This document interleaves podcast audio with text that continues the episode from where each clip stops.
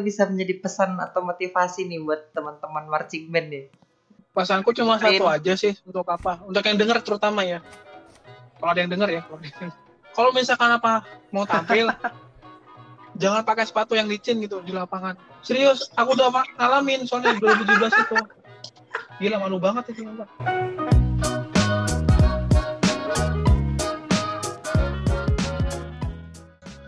Tapi kamu pribadi orangnya emang ngikutin perkembangannya dunia MB nggak sih? Info-info atau kabar-kabarnya MB gitu nggak sih? Enggak juga. Kalau dulu sih iya. Dulu sih apa selalu apa selalu pengen tahu gitu. Apa, ada apa dengan dengan MB-nya. Kalau sekarang sih fokusnya udah tali kan, bukan fokus MB lagi sekarang. Udah fokus sama kuliahnya kan dulu kan. Jadi pengennya fokus kuliah dulu baru fokus MB-nya gitu. Tapi kalau dulu masih awal-awal kuliah itu pastilah uh, ke MB terus gitu. Jadi ada emerging band ada berita apa gitu. Jadi aku cari tahu gitu. Soalnya kan waktu itu ada kan aku baca di Twitter gitu tweetnya MMBI tentang GPMB 2020 gitu loh dan dan kamu itu ngasih analisamu gitu ke yang reply reply dan setelah aku baca-baca gitu tuh aku menyimpulkan dan dapat first impression kalau wah kayaknya nih adminnya ini dia orang yang perhatikan dunia MB cukup dalam gitu. Kira karena lagi gabut aja sih sebenarnya. Lagi gabut, terus apa uh, lihat di kan ikutan juga di, di marching talks, marching adi talks yang dari kalau di Indonesia katanya jadi aja 2020, 2020 tetap jadi GPMB-nya tetap ada. Jadi kan alhamdulillah. Cuma kan aku mikir lagi, apakah pesertanya bisa latihan gitu? Ataukah iya, waktu waktu latihan itu cukup gitu? untuk mengikuti lomba yang sebesar itu kan kan pesertanya kan kebanyakan anak sekolah kan ya masih anak sekolah anak kuliah. Iya dan pasti latihan di iya latihannya pasti ya, ya ada yang di jam sekolah juga ada juga yang di luar jam sekolah. Cuma kan sekarang kan sama pemerintah kan lagi ditutup kan latihan di rumah. Nah itu tuh sempat ini tuh rame tuh di kalangan pelatih-pelatih yang apa yang pelatih pelatih yang bapak-bapak gitu.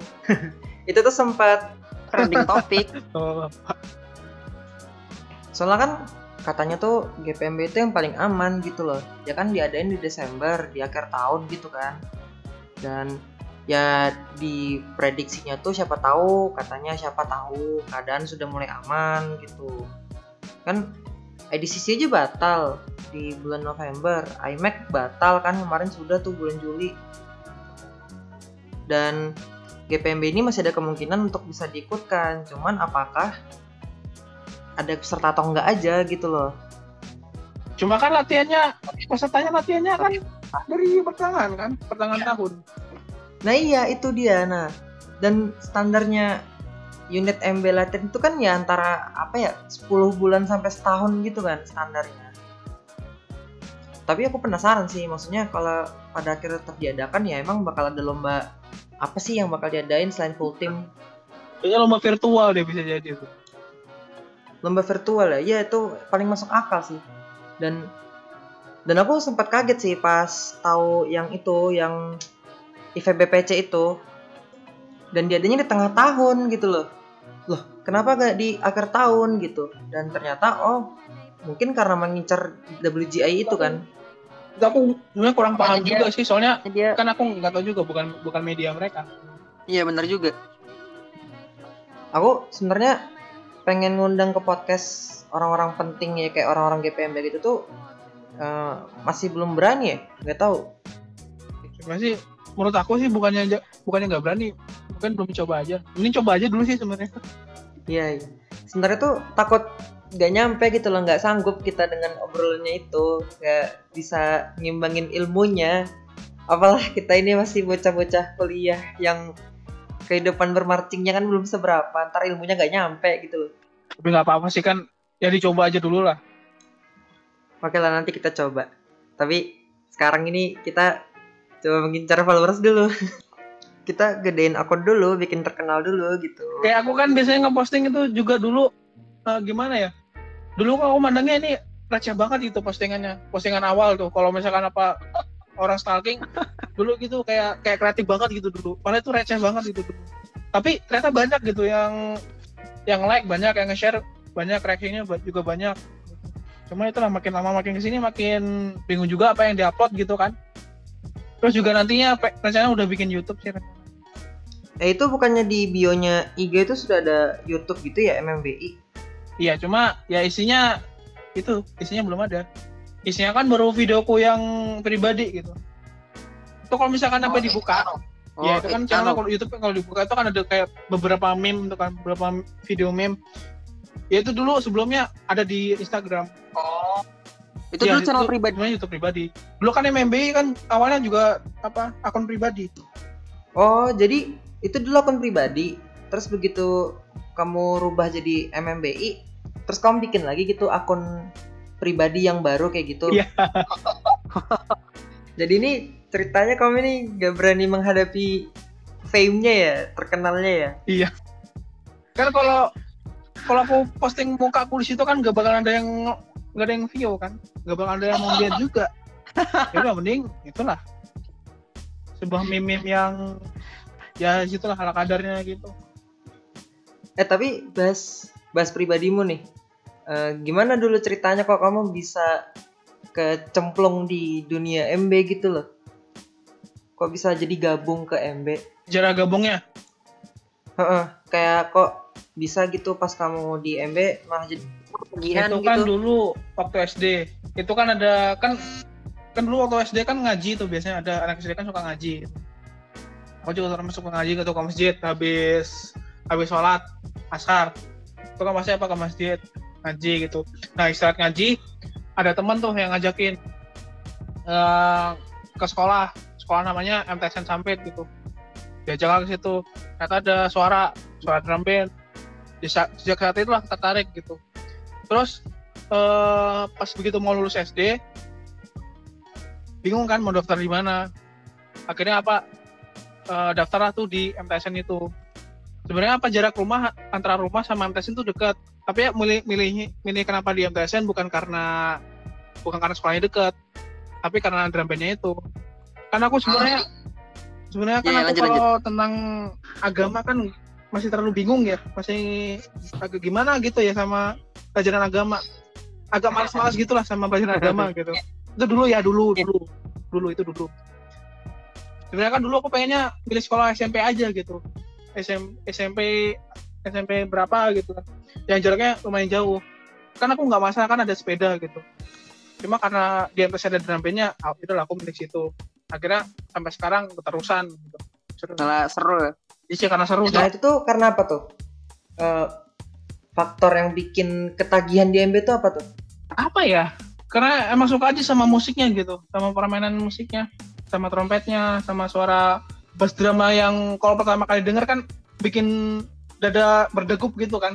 Pasti kalau iya, tiap kali pawai uh, kalau denger apa suara drum band kan berde berdegup terus tuh dada. Kalau denger suara bass drum. Cuma kan lama kelamaan udah enggak. Dulu pun juga waktu pertama kali gabung kan pelatih bilang suka apa bilang kan mau apa alat yang mana? Terus banyak banyak kan apa yang pilih pilih CG ceweknya pasti semuanya banyak. Milih perkusi pasti semuanya perkusi kan. Mm. nah yang milih alat tiupnya kan nggak ada biasanya tuh atau kan dikit. Nah aku pun awalnya tuh pengen milih di perkusi di senar. Pengennya pertama kali. Karena senarnya udah yeah, banyak yeah, yeah. udah banyak targetnya udah banyak. Udahlah dari trompet aja kan soalnya tromp dari berapa ya? Dari 90-an lah rasanya yang daftar. Dalam trompet itu yang kumpul di lapangan saat itu yang memilih trompet itu cuma dua orang. Cuma aku sama temanku yang ngajak itu yang ngajak masuk drum band itu terus jadinya gimana ya, tuh? kami ber, kami, kami berdua akhirnya tetap di trompet. Terus sama pelatih dikasih tahu kalau misalkan uh, ternyata di di drum band marching band ada kastanya. Baru tahu aku. Nah, kan, oh iya iya iya. kan biasanya suka, suka bilang tuh kalau yang tertinggi tuh di trompet tuh. Alat ini paling cari gitu biasanya kan. Terus kalau perkusi gampang aja nanti mainnya gitu. Kalau CG CG apa ya? Kayak kayak juga sih pelatihku juga kayak gitu CG ya. Tetap di trompet. Sampai sekarang keterusan. Oh berarti marching bandnya waktu iya, kuliah ya? dulu drum band namanya. Soalnya kan alatnya alatnya cuma sampai trombon aja. Cuma trompet flugel trombon. Nah pas aku SMK itu baru mereka baru beli alat baru. Baru beli, beli trompet baru beli melopon ada, udah ada terus bariton. Udah ada coba aja yang belum gitu. Ternyata pas sudah lulus gitu. Kenapa baru baru lulus udah ada baru ada gitu.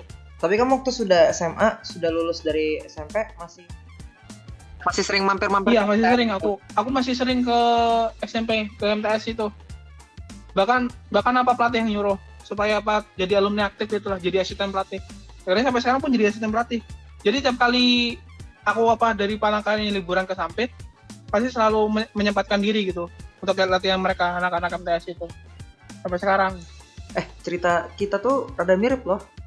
Cerita kita tuh rada mirip gitu. Jadi kan aku juga sama dari SMP kan.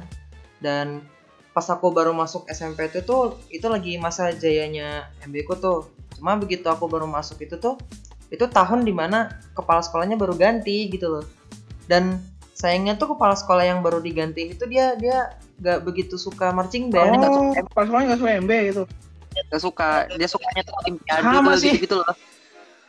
sama loh kepala sekolah kepala sekolahku gitu Nah, juga loh begitu. pas sudah ganti gitu Nah, dan begitu aku sudah lulus SMP gitu kan udah masuk SMA, baru ganti lagi kepala sekolahnya gitu dan diganti sama kepala sekolah yang dia tuh sangat mendukung MB. Jadi aku sudah SMA baru mulai lomba-lomba terus gitu loh. Dan akhirnya kalau lomba gitu harus nunggu slot kosong karena aku SMA kan. oh iya iya Kayak gitu. Sialnya sih sama sih gitu. kurang lebih aja sih atau jangan-jangan semua anak MB gitu ya masalahnya ya Terus kalau Wah, nggak tahu juga. Tapi kalau misalkan gitu kan kalau misal ngalamin sial kayak gitu kan kadang jadi maniak terus malah sering mampir-mampir gitu nggak sih? Walaupun sudah alumni gitu kan ya, tetap aja mampir. iya masih ngasih stand soalnya kan aku jadi asisten di sana kan dapat duit juga Salah- Oh. sekaligus mematahkan yang di film 12 menit itu yang bapak dari Jepang itu siapa namanya bapak siapa lah gitu bapaknya Alien Iya, Jotaro. dia kan apa bilang Masimen tidak bisa masukkan uang. Kata siapa? Kata siapa nggak bisa? Aku dapat gitu. Jadi aku dapat duit dari Masimen.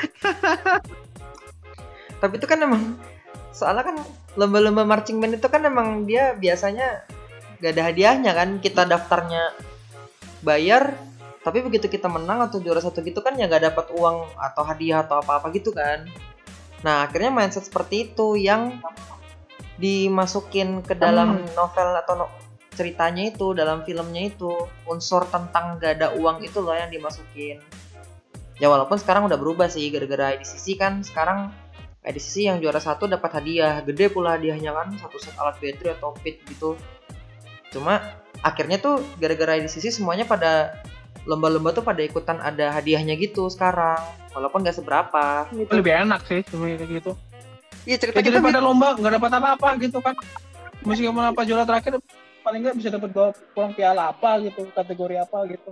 Iya benar. Karena kan pernah, pernah juga tuh aku ngeliat kayak kepanitiaan lomba band daerah kemarin lah. Itu kan sebenarnya ada satu unit itu. Mereka harus mereka tuh kayak gimana ya? Kayak paling terakhir lah gitu juaranya. Dan sebenarnya tuh eh kalau bisa dibilang tuh nggak dapat piala sama sekali. Cuma kan karena mereka unitnya dari kebun gitu lah, kebun sawit. Akhirnya dapat lah. Itu panitia mikir tuh. Kira-kira kategori apa gitu mereka bisa dapat piala. oh jadi karena mereka lomba gitu terus eh, jauh kan asalnya tapi lomba peringkat terakhir gitu jadi akhirnya dikasih semacam apa apa pun penghargaan gitu ya boleh juga lah keren juga Kayaknya semua kayak gitu ya kayaknya. Semua lomba kayak gitu ya. Baru tahu gitu. dan dan terus begitu ada hadiah gitu tuh kan yang nerima biasanya sekolah kan yang nerimain hadiahnya gitu Ya pasti sekolah terus yang terima kan? Eh btw menurutmu marching band itu tuh bisa dijelasin nggak? Sesuatu yang bisa dijelasin nggak? Apa yang dijelasin apanya? nah gimana ya? Jadi kan waktu di episode awal-awal podcast itu kan kita ngobrolin tentang kalau marching band itu tuh nggak bisa dijelasin gitu kan. Nah kamu pernah nggak pas lagi asik-asiknya ikut marching band gitu tuh terus ketemu ya orang tua lah mungkin atau guru atau temen lah yang dia nggak ikut marching band terus nanya terus gitu loh ngapain sih kamu ikut marching band kamu pokoknya mempertanyakan lah kenapa kamu masih betah-betah aja ikut marching band gitu kan. Karena kan mereka tidak tahu rasanya kan marching band itu gimana. Nah akhirnya kamu eh, ngerasa yaudah aku nggak perlu lagi deh menjelaskan marching band itu karena mau dijelaskan gimana pun tuh susah gitu loh ke orang-orang yang nggak pernah ikut marching. Nah jadi ya kamu setuju nggak kalau marching band itu tuh adalah sesuatu yang tidak bisa tidak bisa dijelaskan gitu? Gak bisa dijelasin. Antara antara setuju nggak setuju sih sebenarnya. Karena gimana ya? Kan marching band secara bahasa kan pasti ada artinya. Secara bahasa matching ada artinya band ada artinya.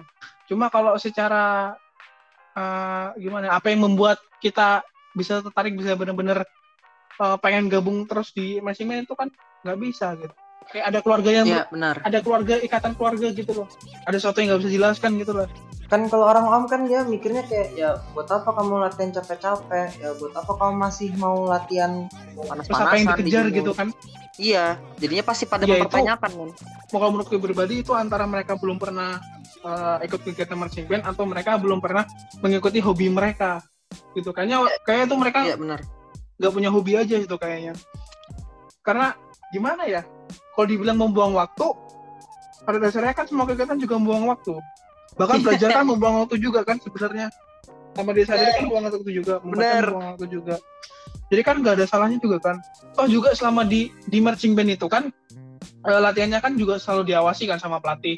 Gak mungkin juga kan apa orang-orang anak-anak itu kan kumpul di malam-malam gitu mau kumpul. Kan kan nggak mungkin macam-macam kan. Kan pasti ada pelatih ngawasin gitu. Dan jatuhnya kan pasti capek juga jadi nggak nggak bakal kepikiran buat macam-macam kan mereka pastinya. Begitu kalau udah selesai latihan selesai pasti langsung pulang gitu. Dan kalau misalkan eh, ibadah pun mereka kan tetap juga menjalankan ibadah gitu. Kayak kayak unit unit di SMP Islam itu kan biasanya mereka latihannya kan setelah Iya. setelah pas sholat dulu mereka sholat dulu baru latihan. Atau enggak pas eh, pas maghrib mereka apa break gitu sampai isya baru nanti lanjut lagi latihan malam lagi kan ada kayak gitu. Bahkan batas batas latihannya pun kan nggak nyampe malam banget kan. Jam 9 itu biasanya kan udah selesai kan biasanya jam Iya, biasanya band sekolah kan. kayak gitu kan. Kecuali band yang adakan band camp itu kan pasti nginep kan. Ya, jadi buang waktunya tuh kan sebenarnya ya nggak buang waktu kan. Ya Oh, buang waktunya kan iya. juga bermanfaat kan sebenarnya kan. Kita olahraga kan sebenarnya. Nah itu loh itu loh. Itu yang Ya, susah dijelasin ke orang-orang. Nah, bingung juga sih menjelasinnya gitu sama orang-orang gitu Pernah sampai kesel gitu nggak? Eh, pernah sih cuma ya ya udahlah biarin aja sih mendingan. Kayak ya udah nyerah aja udah jelasinnya kan gitu kan. Ya Kita iyain aja gitu paham. sama ya sama mereka itu. Kan orang tua aku juga termasuk yang kayak gitu. Untuk apa gitu ikut drum band bang waktu. Tapi kan lama kelamaan kan mereka ya udahlah ya. Yang penting apa anakku sehat aja kata mereka itu. Yang penting gue bisa jaga diri sendiri ya udah. Aku pun juga gitu. Kalau misalnya nama aku yang pulang aku langsung pulang eh apa kamu jangan-jangan milih kampus yang sekarang ini karena ada marching bandnya gitu. Makanya kamu pengen daftar kampus ini yang sekarang. Gitu. enggak sih kan aku kan tinggal di Sampit orang tua kan di Sampit. Itu kan aku nyari yang Hmm. pertanian ada jurusan pertanian. Nah kan awalnya pengennya di Jogja sebenarnya pengen di Jogja. Atau atau di Malang gitu lah A- antara UGM ada nggak sih pertanian? Kalau nggak salah ada ya. Nah makanya tuh Ada, oke, pertanian di ada. Jogja pokoknya pertanian antara UGM atau Brawijaya pengennya pertanian. Atau di Bogor lah sekalian gitu di TB atau IPB gitu. Sama terus sama orang tua nggak boleh jauh-jauh gitu. Mending di Kalimantan aja. Ya udah ternyata di Palangkaraya ada gitu. Di Universitas Palangkaraya. Cuma kalau marching bandnya di Universitas Palangkaraya ini nggak nggak ada. Jadi aku ikut di unit sebelah di YIN Oh, Nah, ternyata pelatih YIN nah, kayak kenalan juga sama pelatihku yang bisa sampai sana. Jadi ada ikatan juga lah. Dunianya sempit. sebenarnya di Sampit itu dia ada berapa unit sih ya termasuk Band band lah. Sebenarnya sih yang umum oh ya umum atau sekolah nih. Kalau yang umum tuh cuma satu sebenarnya. Eh um- umum sebenarnya cuma satu handap mentaya praja. Cuma ada juga apa kalau di sekolahnya pasti banyak lah udah sekolahnya. SMP SMA hampir semuanya ada. Cuma ya itu tadi sih sekolah juga kurang memperhatikan sih kebanyakan di sini di sampai itu. Terus Hmm. apa tapi ada juga satu unit yang apa yang mengumumkan dirinya sendiri kayak gitu. Jadi dia jadi dia kalau ada Oh, lomba iya, iya. masuknya kategori umum gitu, bukan, bukan kategori sekolah ada. Ada lah unit, unit SMA. Gitu. Biasa Jadi lah kayak gitu kan. Ada dua sih kayaknya ya. oh yang yang umum ini maksudnya yang dikenal gitu lah ya yang dikenal gitu ada dua gitu ya BMD itu di mana? Ya, aku pernah dengar. Borneo Marching Day ada di Banjarmasin sih. Ya Banjarmasin. Banjar ya? Soalnya eh aku ikut perlombaan cuma satu itu aja sebenarnya. BMD 11 itu. tahun ikut marching band cuma itu aja yang pernah aku ikutin. Tapi kamu tetap Iya. ketagihan ya? soalnya gimana ya sedih juga sih sebenarnya Itu kamu ikut BMD pas kuliah pas pas kuliah sekolah? baru awal kuliah Oh. jadi apa awal masuk itu langsung disuruh sama pelatih YIN itu untuk ikut BMD gitu sama mereka sama YIN Paciman YIN gara-gara ada ada hubungan juga ada hubungan pertemanan antara pelatih marching band di Palangka sama di Sampet itu Dan pelatih kami ada hubungannya Nah, kalau yang selama sekolah eh, nggak pernah ini, nggak pernah ikut lomba gitu, lomba drum band kah apa gitu? SMP SMA nggak Iya, pernah ikut SMP, lomba SMA. apa-apa. Oh. bukannya bukannya nggak ada lomba sih cuma nggak dapat dukungan Uh, dengan alasan mereka dananya untuk pembangunan gitu dengan alasan itu. Dan kepala sekolahnya juga kan juga susah gitu. Kepala sekolah MTSN kepala sekolah SMP lah. SMP aku tahun pertama itu baik banget kok sebenarnya. Kalau misalkan ada lomba apa sebenarnya diikutin sama apa sama sekolahnya. Terus kepala sekolahnya ganti gitu. Tahun keduanya ganti. Sama. Terus pas ikut lomba waktu kuliah itu tuh ada ini nggak? Eh, apa eh, sensasi tak terlupakan. Apa kayak ingatan yang nggak bisa dilupain gitu pastinya nggak? susahnya beda banget gitu.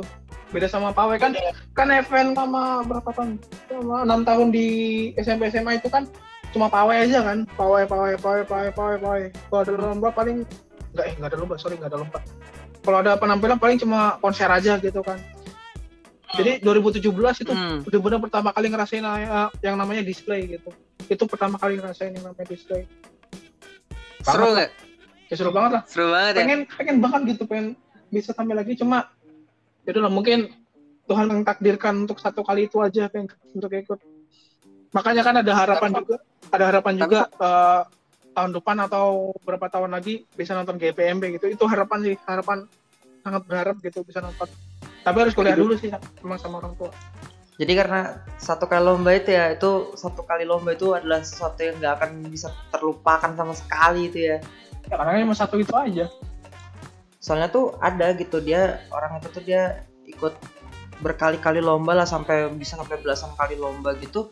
Tapi karena dia saking seringnya ikut lomba itu malah eh, terlalu banyak gitu kan yang eh, pengalaman yang dia jalanin akhirnya dia sendiri malah kayak merasa tidak ada kenangannya gitu loh malah kayak kurang seru ya lomba aja gitu lomba-lomba aja nggak ada kenangannya ada yang gitu tapi nggak semuanya sih aku sebenarnya iri loh sama mereka kayak gitu Oh, jadi pas kamu baru masuk itu tuh itu terakhir kalinya ini ya ada aktif kegiatan di iya Unitnya. itu pertama kali aku ikut display dan mungkin terakhir kali aku display kayaknya. Tapi setelah itu unitmu jadi nggak ini lagi. Menurutku sekarang kayaknya nggak aktif sekarang. Udah bener nggak aktif gitu sekarang. Sebenarnya tuh udah ada rencana kan sebenarnya tuh Eh, Januari tuh udah rencana Januari sampai ya selama semester inilah pengen banget apa bisa ada kayak eh, konser-konser atau di- ngamen di mana gitu. Itu rencana aku sama sama unit ini. Cuma karena corona ini juga masalah gitu kan. Ya. Dan mau latihan online pun juga kan nggak bisa gitu. Mereka nggak bisa kebanyakan. Kan kebanyakan mahasiswa mahasiswa sama anak kuliah eh, anak sekolah yang yang ya nggak nggak ada wifi lah gitu mereka. Anak kampung gitu kan susah juga. Tapi aneh ya. di apa di MB yang IAN itu dia juga pengurusnya dari anak IAN juga ya? Yang istilahnya pengurus di marching band itu juga mahasiswa iya juga ya? pengurusnya anak IAIN juga. Kalau pelatihnya alumninya alumni IAIN pelatih Ya rata-rata sama ya. malah kadang biasanya di band kampus gitu tuh ya pelatihnya malah sama-sama mahasiswa malahan. Di sini enggak sih soalnya itu kan biasanya kalau mahasiswa yang ngelatih itu kan biasanya dia uh, memperdalam ilmunya kan ilmu marching bandnya. Cuma kan di sini nggak kayak gitu itu kan tergantung orangnya juga kan. Di sini kan orangnya nggak se kayak sebaik itu orangnya. Nggak se good itu dalam marching band nggak segila itulah misalnya nggak banyak di sini di sini paling cuma beberapa orang aja gitu yang benar-benar tertarik sama marching band yang maniak yang Yang maniaknya. maniak gitu ya. dan aku pun sebenarnya maniak juga cuma kadang-kadang apa nggak paham juga sama bikin lagu kadang-kadang kadang-kadang apa ada yang nggak cocok akhirnya kan aku mager gitu lebih banyak oh dan dan kamu mencoba untuk mempelajarinya iya Kayak selalu gitu. pelajarin bikin lagu sama Lintas Nah, aku sih section gitu. apa banyak sih sebenarnya udah bikin lagu cuma kadang-kadang baru sampai intro ya udah tinggalin atau atau mungkin pertengahan tinggalin karena karena nggak ada apa ya nggak ada tujuan juga sama bikin lagu kan nggak dipakai juga sama mereka gitu Gak apa-apa Iya buat belajar makanya aja. gitu. Cuma ya udahlah, mendingan stop aja dulu. Lanjutnya nanti aja gitu. Kalau udah kalau udah- corona hilang terus apa unit pengen latihan itu baru aku lanjutin. Oh berarti kamu tuh gini ya, sering lihat-lihat atau cari-cari video tutorial atau mungkin ikut-ikut apa semacam webinar gitulah yang kayak di Zoom gitu-gitu. Enggak sih sebenarnya. Aku nggak pernah ikut yang kayak gitu. Ya juga. Aku belajar apa musik itu otodidak. Oh. Jadi apa bikin bikin lagu itu dari aku mulai satu kelas 1 SMA itu udah udah bikin udah belajar belajarnya sejak itu dulu pakai muskor tuh cobain. pakai muskor yang berapa yang dua salah. yang dulu tampilan itu masih kayak kertas partitur zaman dulu gitu Ya, itu, ya. aku- aku udah pakai tuh.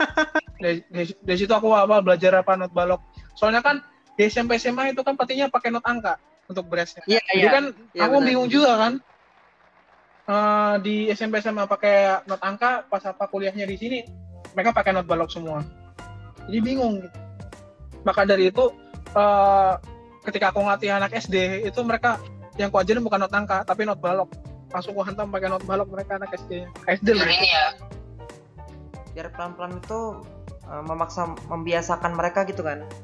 iya biar terbiasa juga Coba cek ini nih. YouTube-nya Marching in TV. Itu dia banyak ini gitu. Banyak- bukan tutorial sih, tapi kayak Zoom conference gitu loh dan obrolannya tuh ada banyak. Dia kayak semacam ada bincang ranger, terus bincang kepala pelatih gitu loh yang ngasih materi-materi gimana caranya gitu. mungkin siapa tahu ada yang aku bantu tuh. sebenarnya sebenarnya jarang Videonya. banget sih apa nonton yang itu Ju- jujur jarang banget soalnya yang sering ku tonton itu ya ya apa ya yang musik arranger arranger aja di YouTube kan banyak tuh eh, dari dari siapa ya Abdal Zikri ada dari ah, siapa itu ada terus yang mereka tonton gitu dan itu aku suka banget sama apa hasil dari lagu mereka Kamu ini termasuk orang yang suka DCI nggak? Nonton DCI dan ngikutin perkembangannya DCI gitu? aku malah lebih suka DCI aku eh, bukan suka sih lebih banyak nonton uh, DCI daripada GPMB atau IDCC Oh itu pasti sih. soalnya kan apa uh, video pertama marching band yang aku tonton. Itu kan video DCI bukan video marching band Indonesia. Videonya Blue Devils. Oh, apa? Kamu ketemu video DCI dulu gitu baru kamu ketemu drum band MTSmu itu? Kayak gitu dulu atau gimana? enggak aku aku ikut dulu drum band. Itu emang udah dari awal itu. Oh. tapi tahu ada displaynya. Tahu apa display gerak-gerak itu dari DCI nonton Oh, nonton videonya Blue Devils yang tahun berapa itu ya itu pun teman yang nunjukin kan. Dan itu baru tahu kalau misalkan ada display. Karena kan dulu kan aku mikirnya drum band itu marching band atau drum band itu kan cuma parade aja cuma jalan atau konser gitu kan. Dan aku baru tahu ternyata bisa kayak gitu bisa Ya. bikin formasi yang begitu bagusnya gitu. Cuma kalau tim favorit bukan Blue Devils sebenarnya. Favoritku Apa? The Cavaliers sebenarnya. Oh Cavaliers. Kalau Cavaliers tuh kan dia rame tuh pas ini tuh tahun 2000 berapa tuh ya yang 2005 2006 gitu kan yang rame-ramenya Cavaliers tuh. Pas lagi ngetren apa tuh tema yang samurai, terus yang Jepang itu tuh. aku paling cari, itu aku cari sih sebenarnya video samurai itu Oh iya. Ini temen banget kan ya. Iya, gara-gara tuh dari dari mana? Dari YouTube juga sih, cuma cuma kan potongan gitu, nggak sampai full. Dan itu dan potongan aja itu udah enak banget didengar gitu. Samurai. Terus nyari videonya ternyata nggak dapet gitu. sempet ngetren tuh. Tapi kalau kompetisinya Indonesia gitu kamu ikutin nggak perkembangan sama Nah itu aku kurang sih. Aku Trennya. cuma tahu info Infonya. info-info gitu aja. Asalkan apa, kalau misalkan apa GPMB ada upload di Instagram, ya pasti aku tahu gitu. Kalau misalkan apa nggak ada upload, aku nggak ada nyari tahu. Hmm. makanya kan aku lebih tahu judul lagu yang uh, unit DCI bawakan daripada judul lagu unit yang GPMB bawakan gitu misalkan apa Blue Devils tahun ini. Uh, aku tahu gitu apa mereka bawakan lagu apa lagu apa gitu. Ta- tapi kalau misalkan unit Indonesia ikut GPMB mereka bawakan lagu apa aku nggak tahu. Karena kan kayaknya nggak ada ya infonya ya. Soalnya kan apa di di Google kan ada gitu. Di website yang di Biasanya kan jangka panjang dia lombanya itu kan dia iya. makanya dia persebaran beritanya itu informasinya itu ke seluruh dunia juga luas. Karena lama lombanya ada ronde-rondenya gitu kan perempat final semifinal final. Ada turnya kan. Jadinya dia lama kan baru dan di sana kan banyak juga ya penggemar ya seluruh dunia kan. Iya iya heeh. gitu. Eh, terus kamu selain MB selain marching band ada hobi lain nggak sih? Gitu. Nggak ada sih kayaknya. Apa ya hobi lain? Heeh. main game udah. Nonton YouTube. Ya kan soalnya gak tau ya anak marching band itu kan dia 90% kan dia hidupnya cuman buat marching band doang kan. Waktunya ding 90% waktunya dia tuh cuma buat marching band doang. Ya nggak cuma latihan tapi ke lingkungan marching band kan.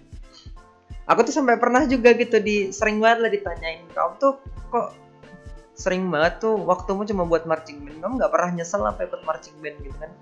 Terus aku jawabnya ya ya ya nyesel nyesel ya nggak pernah gitu loh. Kalau ikut ya ikut aja nggak pernah gitu nyesel marching band nyesel ikut marching band itu ya nggak Ya, pernah. Emang nggak pernah nyesel sih. Ya buat apa iya nyesel? nggak gitu kan. nyesel. Toh yang kita lakukan positif kan. Kita nggak ngapa-ngapain juga nggak ngelakuin hal yang aneh juga Iya. kan di sini. Apalagi dulu karena kan lingkungan gimana ya MB kan udah Bukan ya? udah banyak kenangannya. Dapat pacar juga dari MB gitu kan. Pacar apa naik MB semua deh udah mantan sih sebenarnya ya gimana ya? Soalnya kan waktu kita itu eh, dikit-dikit ke lingkungan marching band terus kan ya. Bahkan kita nggak latihan aja libur gitu. Jalan-jalan pun ya tetap sama teman-teman marching band Iya. gitu kan. Ya itu 90% tadi tuh loh. Tapi juga ya selama positif aja kan ya. Eh terus menurutmu menurut pendapatmu tuh gimana sama anak marching band yang dia itu kaku gitu loh? Yang ya maksudnya tuh kakunya tuh dia kalau latihan itu serius mulu yang gak bisa bercanda dikit gitu loh yang pokoknya tuh dikit-dikit harus serius yang dia kalau kita bercanda di lapangan dia malah eh, rese kayak eh serius ini lagi latihan jangan bercanda-bercanda terus gitu kan. Itu kan kadang anak kayak gitu tuh kaku nggak seru terus dia ngeselin dulu kayaknya dia nggak cocok di MB deh kayaknya. Serius kayaknya dia nggak cocok di MB karena kan gimana ya? Kan kalau gerakan nggak kaku nggak nggak boleh kaku juga. Dalam artian kan dia harus bisa mengekspresikan kan kalau misalnya di MB kan harus bisa menampilkan ekspresi gitu. Kan kalau kaku kan nggak bisa menampilkan ekspresi mereka. Dan itu kayaknya dia kurang ter- kurang open minded aja sih ya sebenarnya. benar-benar kurang terbuka aja. Eh, dan cara pendekatannya kayaknya benar-benar lebih ke teman-temannya seharusnya teman sam- teman-teman sama pelatih untuk membangun hubungan lagi sama dia gitu. Karena bisa jadi kan dia emang kurang aja kurang perhatian aja gitu. nah kalau menurutmu pelatih yang asik itu tuh yang gimana tuh kira-kira pelatih yang asik. Ya yang bisa membangun suasana. Jadi apa Ah. latihan tuh nggak mesti harus apa yang itu tadi yang aku harus serius, selalu serius gitu. Tapi pelatihnya eh, bisa menjadi menjadi ayah mereka juga bisa menjadi orang tua mereka juga bisa menjadi pelatih mereka juga dan bisa menjadi teman mereka tentunya. Itu itu pelatih yang paling baik sih sebenarnya. Jadi eh, bahkan pelatih itu kalau bisa jangan hanya membangun hubungan an- antara ke anak didiknya aja tapi ke orang tua mereka juga gitu. Ke pelatihku ini mereka membangun juga hubungan sama orang tua gitu. Jadi eh, anak ada masalah apa itu pelatih tahu. Dan pelatih apa ngomongnya bukan ke mereka tapi ke orang tua mereka. Mereka apa ngobrolnya Iya, ke orang benar. tua mereka justru dan itu pelatih yang paling baik sih menurut aku. Jadi apa orang tua tuh bisa percaya gitu. Orang tua bisa percaya apa sama pelatihnya ada hubungan antara orang tua pelatih ada hubungan antara pelatih ke anak didiknya itu. Jadi eh, misalkan apa pelatihnya mau mengadakan acara nginap gitu lah nginap sekolah. Nah jadi orang tua itu nggak nggak mesti apa ya nggak nggak harus khawatir lagi gitu karena mereka udah percaya sama pelatihnya gitu. Jadi ada kepercayaan. Ya jadi ada kepercayaan itu pelatih yang baik. Dan dan hubungan antara pelatih ke anak didik ya kayak itu tadi bisa jadi orang tua kedua bisa jadi teman bisa jadi tempat curhatnya mereka juga gitu kan. Dengan catatan eh, tentu pelatih harus tahu batasnya gitu loh. Tahu batasnya eh, ini anak didik mereka. Tapi eh, gimana ya? Susah juga sih jelasinnya Iya, iya, iya, tapi paham sih paham. paham. kamu ada ini nggak? Eh, momen yang tidak terlupakan yang ini kalau kamu ceritain itu tuh bisa menjadi pesan atau motivasi nih buat teman-teman marching band ya. Pasanku cuma Lain. satu aja sih untuk apa? Untuk yang denger terutama ya. Kalau ada yang denger ya. Kalau, misalkan apa mau tampil, jangan pakai sepatu yang licin gitu di lapangan. Serius, aku udah ngalamin soalnya 2017 itu. Gila malu banget itu sumpah. Iya kan pakai pantopel kan aku. Aku display satu-satunya sendiri pakai top pantopel. Jalannya kan pakai sepatu sekolah, pakai sepatu yang apa alasnya karet gitu lah. Aku dong pakai pantopel yang alasnya kan keras gitu pantopel kan.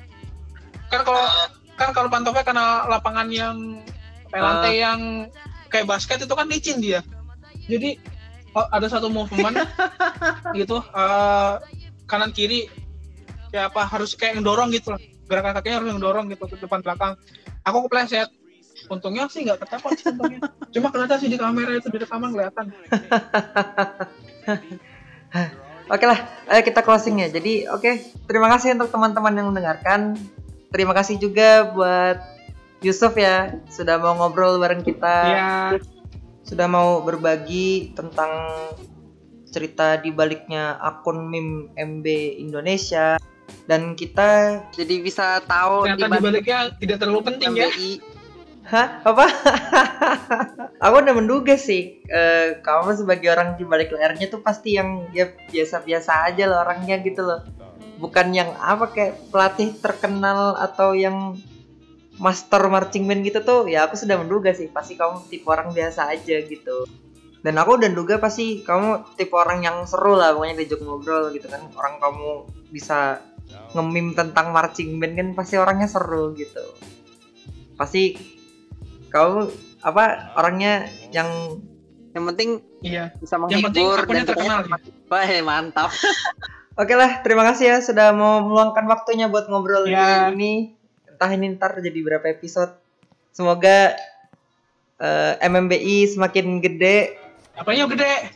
akunnya, semakin gede akunnya. Semoga semakin sukses ya. Oke, itu aja oke. Terima kasih. Iya. Dan buat teman-teman yang mendengarkan, sampai jumpa di episode selanjutnya.